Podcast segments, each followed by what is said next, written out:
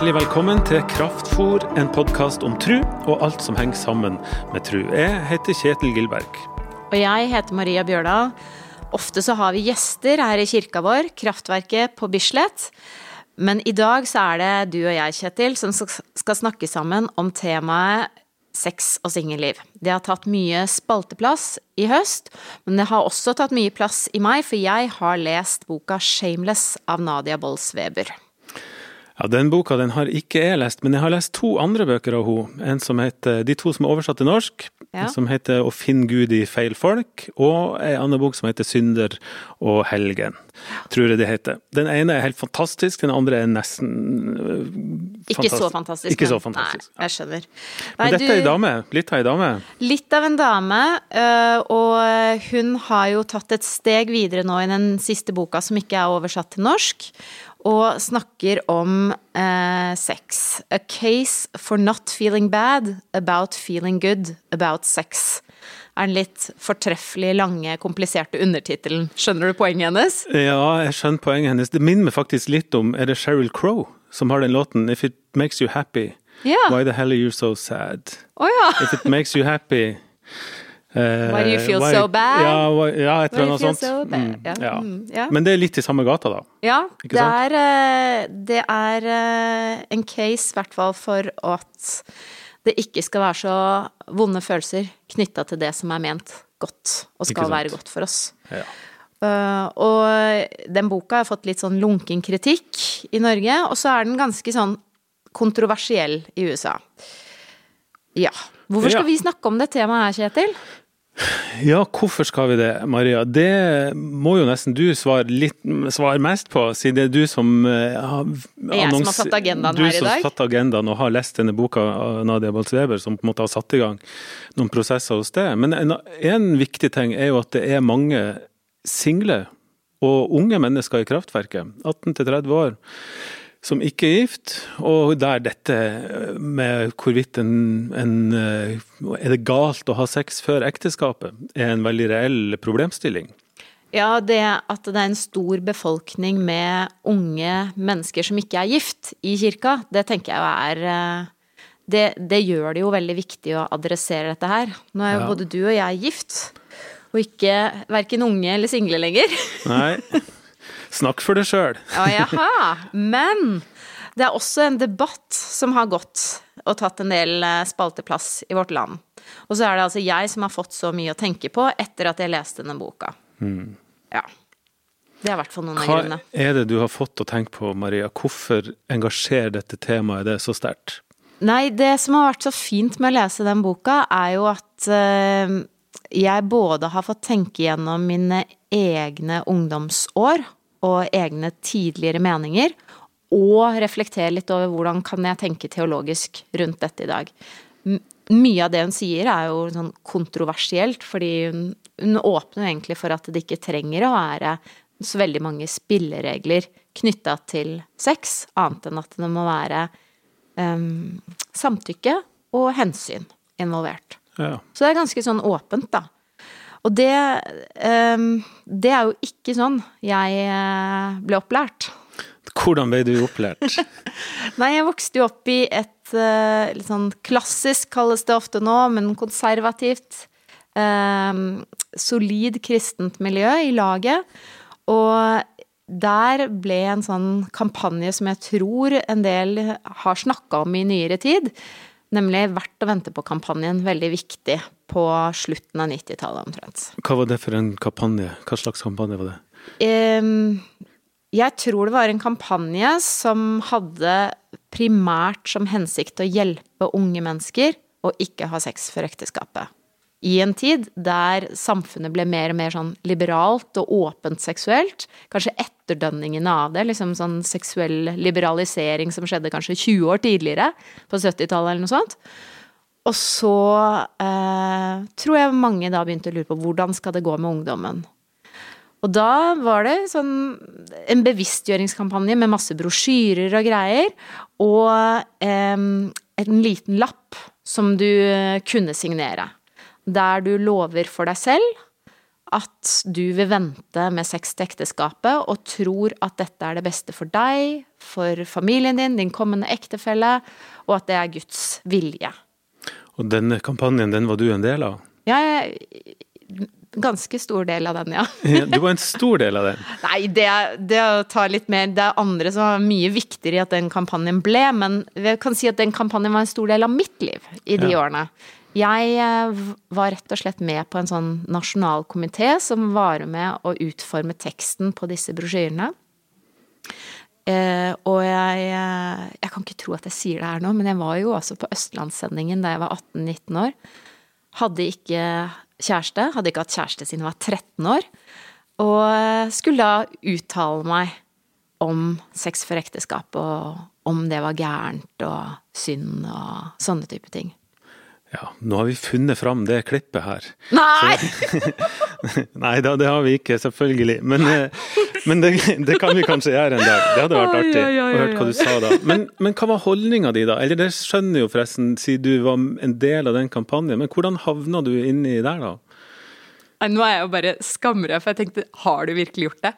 Funnet det klippet? Men altså, hva, hva, jeg datt helt ut. Hva spurte du om? Nei, om, om eh, hvordan du havna der, i den situasjonen. Hvorfor var dette ja. viktig for deg da du var 18? Ja, det er bra eh, spørsmål.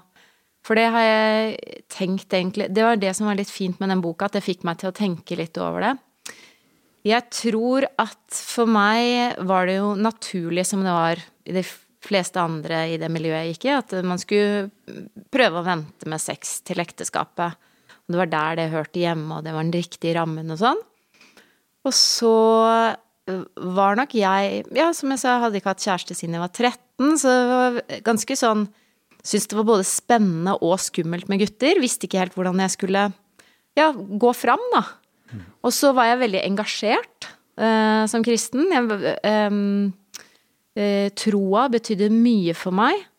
Og, og, det å leve den ut, og at den skal ha betydning for livet, eh, var også veldig viktig.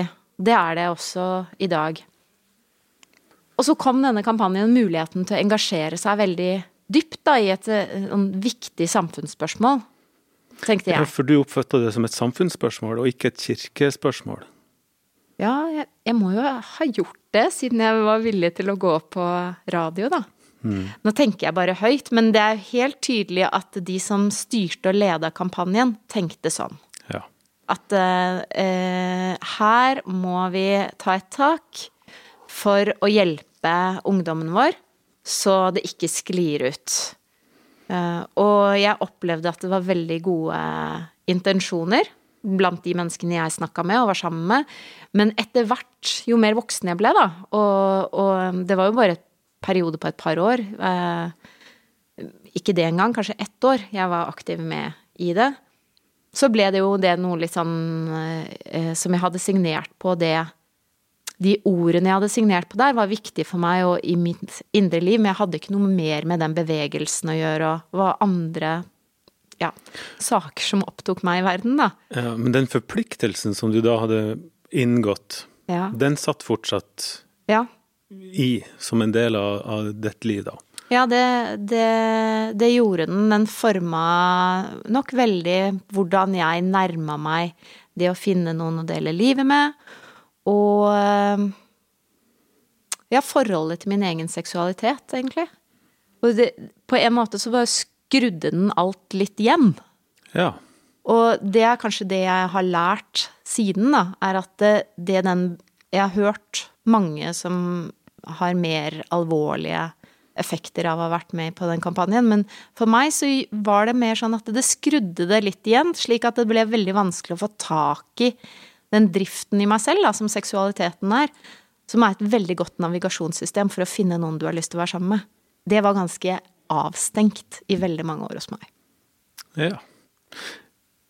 Så det har hatt stor påvirkning på livet mitt, på en måte. Men jeg, det er vanskelig å vite hvor mye som skyldes kampanjen, hvor mye som skyldes å vokse opp i kirka, og hvor mye skyldes ting jeg ikke har peiling på, fordi vi mennesker er jo litt komplekse og uforståelige. Men det høres ut som du da har tatt uh, gått en vei da, med disse tingene her. Hmm. Hva har utviklinga vært sånn holdningsmessig? Nei, det Eller for å si det sånn da, Maria. Ja. Hvis jeg hadde spurt det som 18-åring på Østlandssendingen, så hadde du og spurt det er det galt å ha sex før ekteskapet. Så innbiller jeg meg at svaret ville vært ja den gangen der. Jeg tror det var det jeg sa, og at oppfølgingsspørsmålet var noe sånt som hva tenker du om de som gjør det? Er de fæle mennesker? Og eh, Hva svarte du da? jeg sa å nei, nei, nei, det gjør jeg ikke. Så det allerede da så kjente jeg jo at her er det en dissonans. At jeg sier noe veldig hardt og strengt om hvordan man skal leve. Og hva da med de utenfor, spør journalisten meg. Og så kjenner jeg med en gang at nei, men, nei det, er ikke, det er ikke så hardt. Det er rom for oss alle. Og, og den dissonansen fra det intervjuet, den sitter jo fortsatt i, da, når jeg blir eldre og eldre.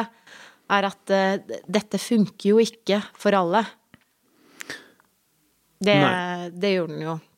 Og den, og den dissonansen har blitt sterkere og sterkere etter hvert som du har blitt eldre? Er det Ja. sånn å forstå? Ja.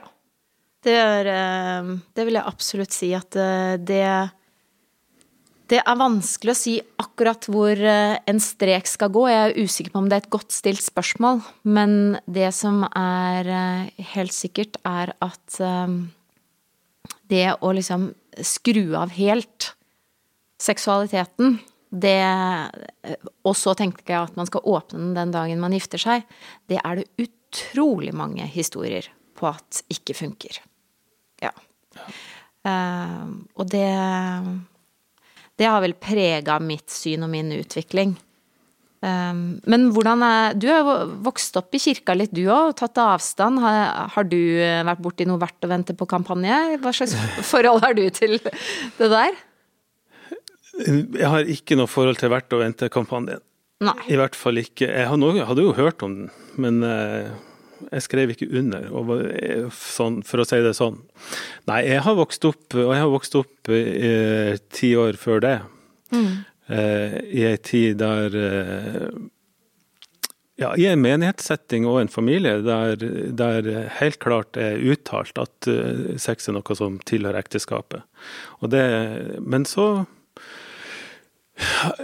i og med at jeg vokste opp ti år før det, så kan det hende at det var en kultur i den tida hvor en ikke snakka så mye om det. En bare markerte at dette, det er her vi står. Standpunktet til kirka og sånn og sånn, men, men jeg opplevde det jo ikke som noen dyneløftere i det hele tatt. Sånn at jeg, jeg tenker nok at eh, at eh, jeg tenkte, tenkte nok i den tida at eh, dette får vi finne ut av litt sjøl vet at her er det noen rammer som, som disse folkene setter, men, eh, men det er ikke noe det er ingen, Jeg har ikke opplevd noen pekefingre i den tida der. Og det syns jeg er helt fantastisk. Ja, det det sier masse om kirka jeg har vokst opp i, og om foreldrene mine, og, om, og, og sånn, da. Men eh, Og så tenker jeg nok også at en av grunnene til at kirka har vært så opptatt av disse greiene her, eh, det kan hende jeg tar feil i det, men det har liksom vært en slags målestokk på er du en god kristen eller ikke. Hvis du liksom holder på matta på disse greiene her, så, så ikke flytter sammen med kjæresten din, og liksom ikke holder på med dette, og det kan være andre ting også, men, men disse etiske greiene, da. Hvis du holder på matta der, så er du en god kristen. Og hvis du ikke gjør det, så er du en dårlig kristen. Det sier i hvert fall litt om hvor mye denne trua di betyr og sånn, da. Det har jeg vokst opp med. Eh, og for meg var det jo aldri viktig å være en god kristen. Det brydde meg nå altså ikke om. Eh, kameratene mine var ikke gode kristne, osv. Så videre. sånn at jeg har liksom hatt eh, det, har- det har liksom ikke vært et ideal. Jeg har aldri vært redd for å bli dytta ut av den indre kristne kjernen, for der har jeg liksom egentlig ikke hatt noe tilhørighet, da. Så, så i mitt tilfelle så, så er det i forhold til Gud og de kristne miljøene, altså, så er det ganske uproblematisk, faktisk. Eh, også i forhold til Gud. Jeg er jo utstyrt med en kronisk god eh, samvittighet. Og det er jo ikke fordi jeg ikke gjør noe gærent, men jeg har liksom aldri vært, godt ha vært redd for Gud, hva Gud skal holde, skal, hvor skuffa Gud skal være over mitt liv. Eh, Det har liksom ikke vært noe som har prega meg veldig, da. Eh, Så, så det er den ene sida i forhold til det kristelige, mens i forhold til det personlige og, og, ja. og det å oppdage at her finnes det jenter, og her, her finnes det en seksualitet og alle disse tingene her, så, så har heller, heller utfordringene vært på samspillet og dialogen med de kjærestene som jeg har hatt. Mm. Hvordan skal dette være? Og der er jo de 200 jentene det innebærer, nei. De få, det innebærer Har jo også de kommer fra en eller annen bakgrunn da, som, som er at de, de har hatt uh, sine synspunkter. Og så er det å finne ut av det sammen. Ja. Sånn har vi levd, og, eller er min oppvekst verdt, da. Så, så uh, så er dialog å nærme seg hverandre og hensyn til den andre og ja. som har vært prosessen. Ja.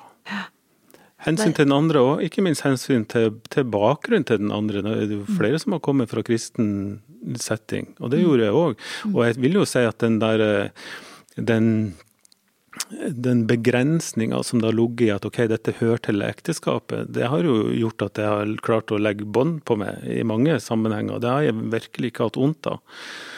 Eh, så sånn sett har det jo vært hatt en positiv effekt, men, men kanskje, som jeg antydet i stad, det har vært en veldig stor frihet ja. fra mine omgivelser til dette her.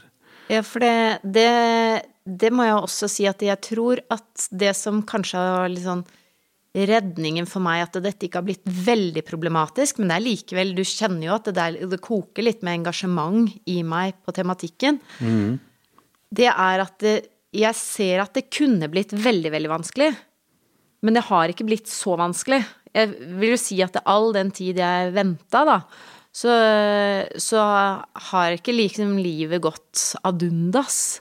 Men jeg vet at det at jeg tenkte så rigid om det i veldig mange år, det gjorde at det var veldig vanskelig for meg å finne ut av det der med hvem passer jeg sammen med og, og sånn. Og det var ikke før jeg var villig til å liksom tenke litt mer åpent rundt det, i mitt eget liv også, at det ble lettere å bare Å ja, nå, nå, skjønner jeg hva en forelskelse er, og nå kan jeg stå for at jeg liker noen, og by meg frem og si hei, jeg er ikke noe her, og at jeg også fant noen jeg kunne være sammen med, da. Mm. Og gifta meg og alt det der. Det, det kom veldig seint, da. Langt ut i 30-åra for min del. Er du irritert for at det kom så seint? Jeg vil jo si at eh, jeg også har gått glipp av noe, men jeg mm. har også blitt skåna. Jeg, jeg syns det Ja, noen ganger er jeg irritert, og andre ganger tenker jeg at eh, Nei, vet du hva, jeg har hatt et veldig bra liv, og jeg har det veldig fint nå, og jeg tenker ofte sånn the best is yet to come med veldig mange ting, da. Um, men er det litt av dette som er engasjementet ditt, hvis en tenker på alle unge i kristne sammenhenger og i kraftverket, da? At en, at en eh, av det rigide som du beskriver, at den dermed venter for lenge? Ja, jeg tør tror, for lite? Ja, jeg tror at hvis man har veldig lett for å ha veldig dårlig samvittighet, og tenker veldig rigid rundt dette her, og er litt sånn nervøs mm. i møte med, med liksom um, en annen da, som man kan bli interessert i og forelska i, og ha et veldig ambivalent forhold til det, så tror jeg det er en sånn cocktail som kan gjøre det veldig vanskelig. Og jeg tror nok at noe av engasjementet mitt handler om å lette litt på prosessen her. Mm. For mange går og lengter etter noen å være sammen med. Mm. Uten å komme helt videre. Men du, det pågår altså en debatt, ja. sa du her i starten. Kan ikke du ta oss litt igjennom den debatten? Hva er det som har stått i Jeg vet det er Vårt Land som har, har trykt uh, noen saker om denne problematikken her. Ja, og jeg tror faktisk du var den første som gjorde meg oppmerksom på at du hadde hørt en podkast der en prest sa at det er bare å kjøre på og ha sex. Uh, og han presten, uh, Gisle, Eh, sogneprest i Sveio, han har da skrevet i Vårt Land eh, i høst eh, og sier at det er helt greit å si som prest har du lyst til å ha sex, så ha sex. Eh, har du lyst til å flytte sammen, så flytt sammen, ikke gift deg for det. Og han mener at det er innafor som god moral, og at det fins belegg for det i Bibelen, og at det er viktig å åpne opp dette her, slik at folk ikke skal liksom presses til å gifte seg for ung og gjennomgå samlivsbrudd. Han, han skriver veldig med det anliggende, da. Mm. Um, og så uh, kommer jo svarene uh, både herfra og derfra, og det, det, det, er jo helt som forventa, at det er skuffelse over at en prest kan bare åpne opp dette som kirka har liksom helt klart ment at hører for, innenfor ekteskapet. Um, og en av de er Erik som sier uh, at han tror at om alle hadde levd etter idealet om at seksualitetens rammer er forpliktende, livslang relasjon, så hadde verden sett bedre ut. Han sier at det, det kan godt være at en sånn ramme for sex er urealistisk, uh, men og, og gir liksom han Gisle rett i det. Men at der er det som veldig mange andre saker i kristen etikk. Her er idealet, og det må få henge der oppe selv om man ikke når dit. Hva tenker du om de ytterpunktene der? Eller vil du ta tak i en av de? Nei, jeg tenker at eh, det er akkurat det du kaller det, er ytterpunkter. Det han Gisle gjør, eh, er jo å ha veldig fokus på individet, og så si at alt er greit. Mm. Eh, og bare det funker for det, og for den andre kanskje, så, så er det bare å gønne på. Mens det Erik der gjør, er å, å, ha veldig fokus på idealet og på en måte det systemorienterte. At her finnes det en, en idé eller et ideal, en, en, ideologi, da, å gå inn i, som veldig mange enkeltmennesker Det blir for trangt, da, sånn som du har beskrevet. Det blir for absolutt. Mm. Eh, og det er jo veldig ofte, tenker jeg, kjennetegn på, på når en krangler om teologi, og at den ene blir blind for individet, eller, den, eller at den i motsatt fall da blir, blir, blind og har bare systemet i tankene. Mm. Så, så, det tenker jeg er jeg kan bare skyte inn, fordi at det, det, her opplevde jeg var så befriende med hvor Nadia Bolsweber starter i boka si, da. Ja. Hun eh, eh, tegner et bilde av at hun flyr over et sånn eh, jordbrukslandskap, der eh, teigene eller jordbruksdelen er delt inn i firkanter. Eh, men så er det kommet et vanningssystem som står i midten av hver av de firkantene, og sprer vannet rundt i sirkler. Og det som skjer da, og hun ser det fra lufta, er at det gror veldig fint innerst der vannet spruter rett ut. Og så er det hjørnene. Der er det jo ikke vann, så der er det mer vissent. Uh, og den, det bildet da, fra en sånn Nå lander jeg med et flyscene, som hun har opplevd selv, det bruker hun egentlig på kirkas forhold til uh, seksualitet, og lære om det. At man har lagd et sånt vanningssystem og noen et, som funker for noen. Og hun applauderer at det funker for de, og syns det er kjempebra, men hun ønsker um, et system som funker for flere. De som er ute i marginene, utenforskapet, da. Ja, og det er jo et eh, Det følger jeg jo helt på. Det ja. tror jo du òg er, sånn som jeg hører det, da. Eh, og så er jo store spørsmålet hvordan, hva er en god teologi som faktisk klarer å å vann helt ut i ytterkantene. Som, som klarer å, å, å, ta vare på individet, samtidig som der er noen idealer. Ja, og da tenker jeg jo dette her med bibelsyn som vi ofte kommer tilbake til da, når vi snakker om, eh, om eh, hva, hva, skal vi mene, og hva, hva er kirkas lære og sånn. Altså, hva, hva, slags, hva slags bibelsyn vil du si at du har sjøl, Kjetil? Og det er et stort spørsmål. Det er det. Skal jeg snevre det inn? Nei, jeg kan, jeg kan godt si det, så får du avbryte meg når du, ja, ja. når du, sovn, når du sovner. Men jeg tror at uh, Når det gjelder etikk, da, så er det, er det, to bibelsyn som krasjer. Og han, der, han Gisle og Erik, jeg aner ikke hvordan de bibelsyn de har, det må de snakke om sjøl. Men vi men, forholder oss jo bare til det utdraget de ja. jeg gjenga. Men jeg tenker jo som så at det, det fins en, en, måte å lese Bibelen på når det gjelder etikk, hvor Bibelen er en slags in, instru, instruksjonsbok, hvis det mm. går an å si. Altså, eh, den gir konkret veiledning om hvordan skal vi leve livene våre på veldig sentrale områder. Og da, for å finne ut av det, så trekker en ut enkeltsetninger fort, eller påstander i Bibelen. Eh, og eh, uten å nødvendigvis legge veldig stor vekt til hvilken historisk sammenheng, hvordan kom disse, hvorfor ble dette sagt og skrevet en gang i tida. Det betyr ikke så mye, for samfunnet forandrer seg, men Guds ord står fast til alle tider. Ja. Sånn at, eh, og dette er autoriteten for vår lære. Så selv om, sånn som Erik sier, da, at det er mange ting med den kristne etikk som ikke er enkelt, men det er nå engang sånn Gud har gjort det, og det, det må være en autoritet som vi bøyer oss etter. Det er en måte å lese Bibelen på. Ja. Eh, og så har du en annen måte å lese Bibelen på, der Bibelen mer er en slags fortelling. En Ja. helhet. Eh, der, der tekstene har blitt til en, helt, en, i en historisk sammenheng, og dette tillegges stor vekt. Og i stedet for å ta de, dette bokstavelig som står der, så tolker man tekstene ut ifra hvilken sammenheng er de skrevet i. Og hvis da tekstene er skrevet for å gi for å gi råd og veiledning i si samtid, så er det problematisk å overføre dette bokstav til, for bokstav til vår tid, nettopp fordi at samfunnet har forandra seg så veldig mye. Et eksempel på det når det gjelder dette her, det er jo ekteskapsteologi, der ekteskapet på Jesus i tid det handler jo om en mannsdominert institusjon, ofte med barnebrud. Eh, Det er et slavesamfunn der husholdninga det er en, det er en Altså som mann så er du eier av kroppen til en del andre mennesker. Og, og jeg tenker at eh, alt som står i, i Bibelen, eller i hvert fall i Det nye testamentet, er jo, har jo dette som bakgrunn. Ekteskapet som en helt annen institusjon enn det vi kan definere det som i dag.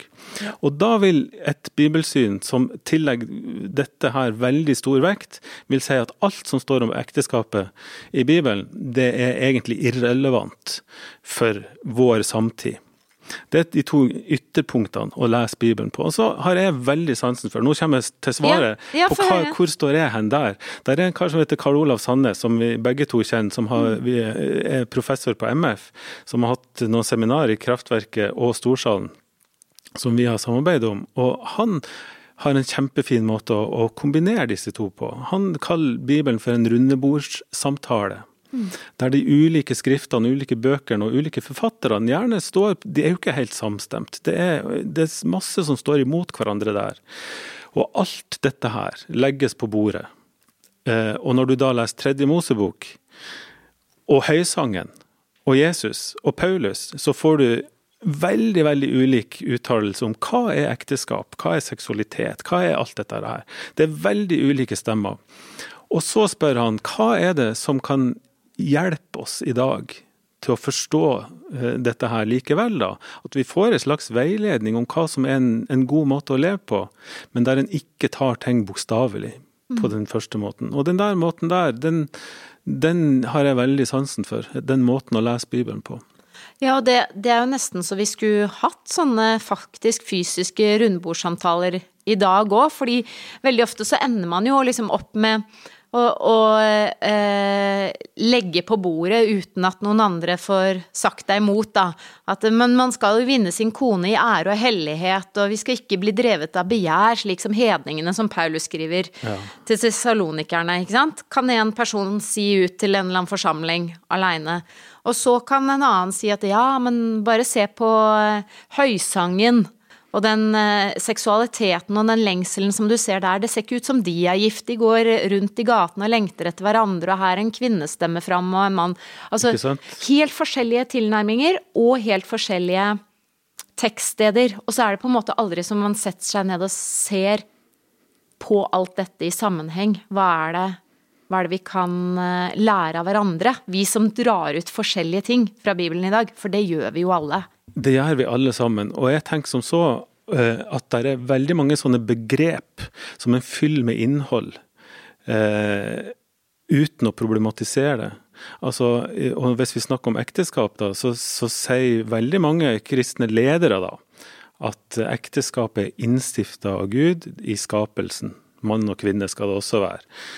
Eh, og, og motspørsmålet til det er ja, men hvilket ekteskap er det som er innstifta av Gud? Er, det, er det det vi kjenner som et ekteskap med to Et monogamt ekteskap mellom to likeverdige menn, mann og kvinne?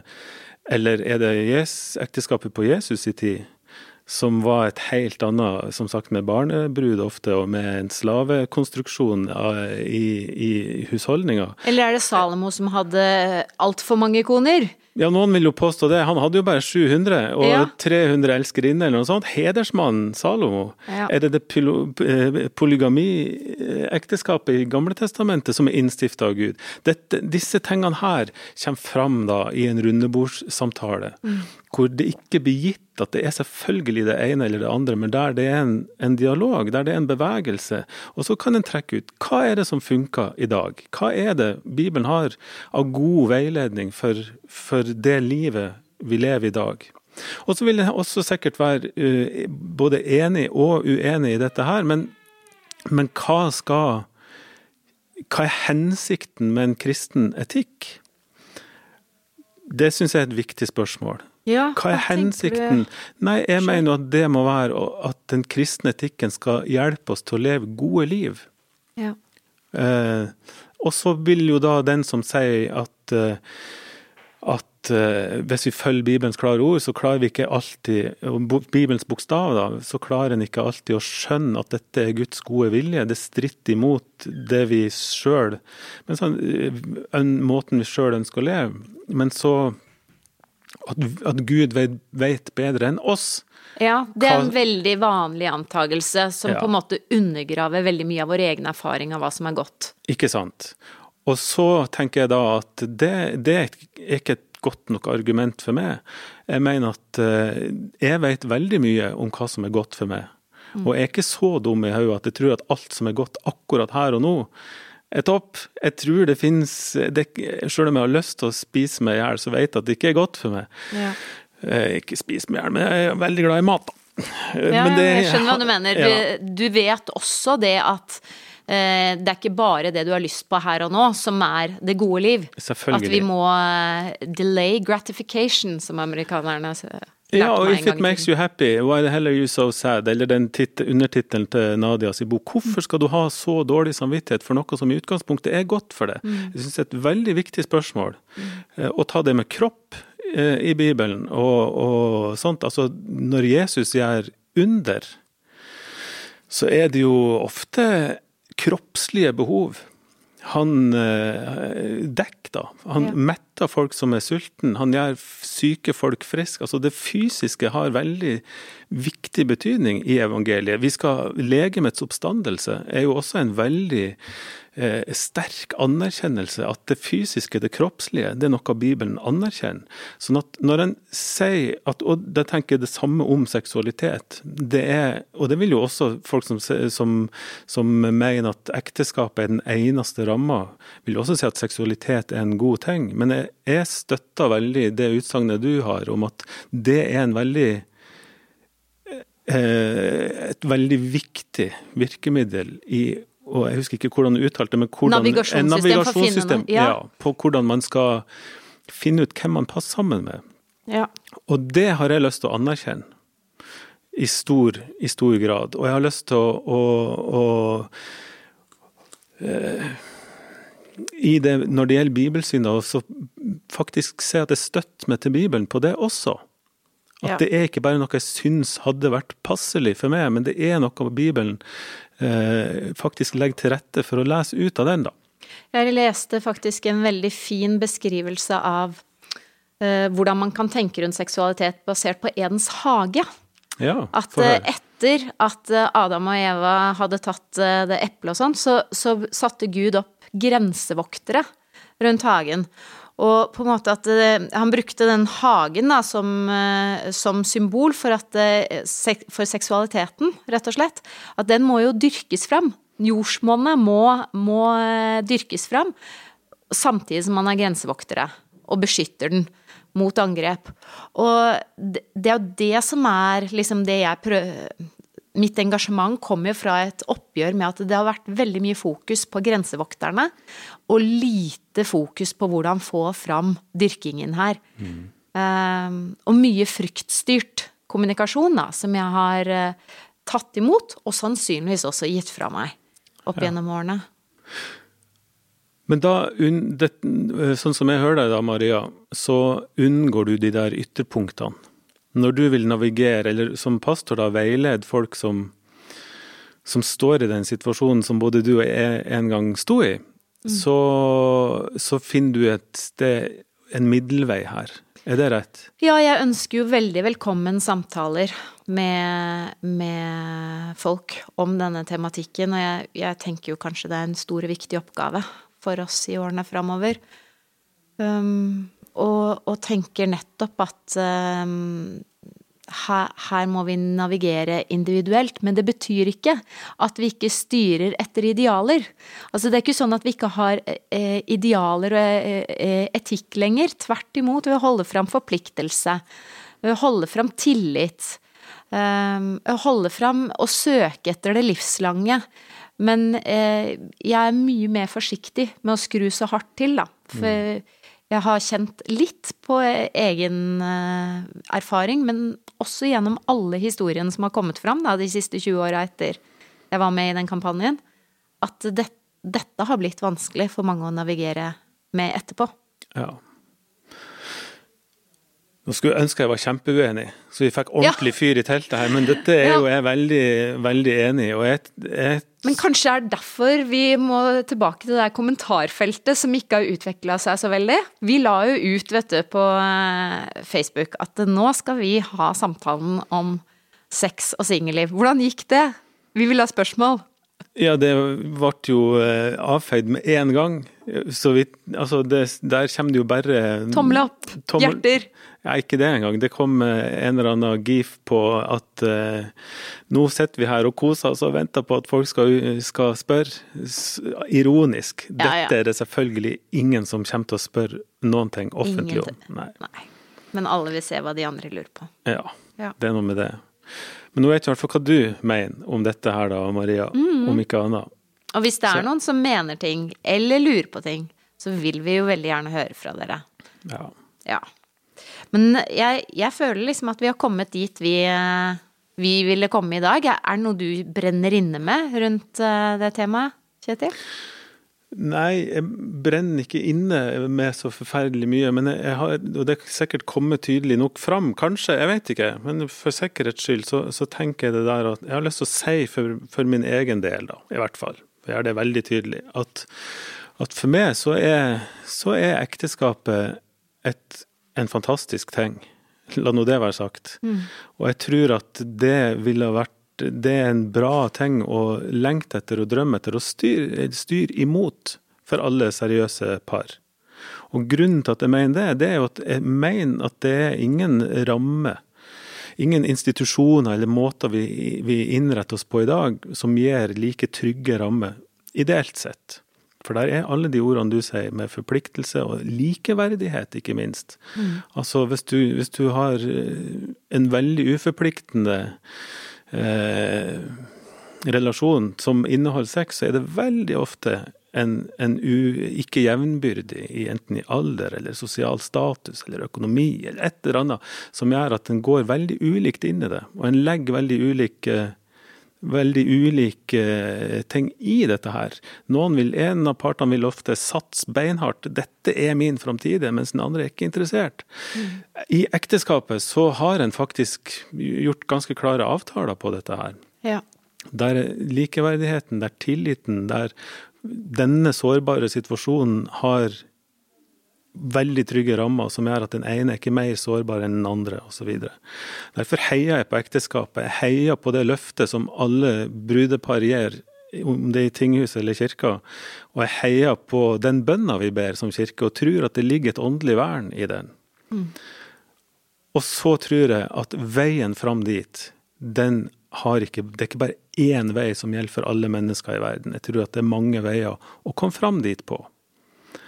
Og den handler ikke om grenseløshet eller noe sånt, men den handler om å, å kunne manøvrere i dette her med mer forpliktelse enn samtykke. Men der det er dialog, hele tida en dialog om hva er det som gjør at livet blir godt nå og framover. Det var vel det vi rakk i dag? Det var det vi rakk i dag. Eh, vi gønner på med ny episode neste tirsdag. Mm, det gleder jeg meg til. Hva det skal handle om da, Maria? Jeg tror vi kommer til å møte en uh, ung og frisk fyr som har kommet til Kraftverket i høst. Og uh, skal bli bedre kjent med han. Det satser vi på går i orden. Ja. Og da høres vi da. Neste tirsdag. Ha det bra. Ha det.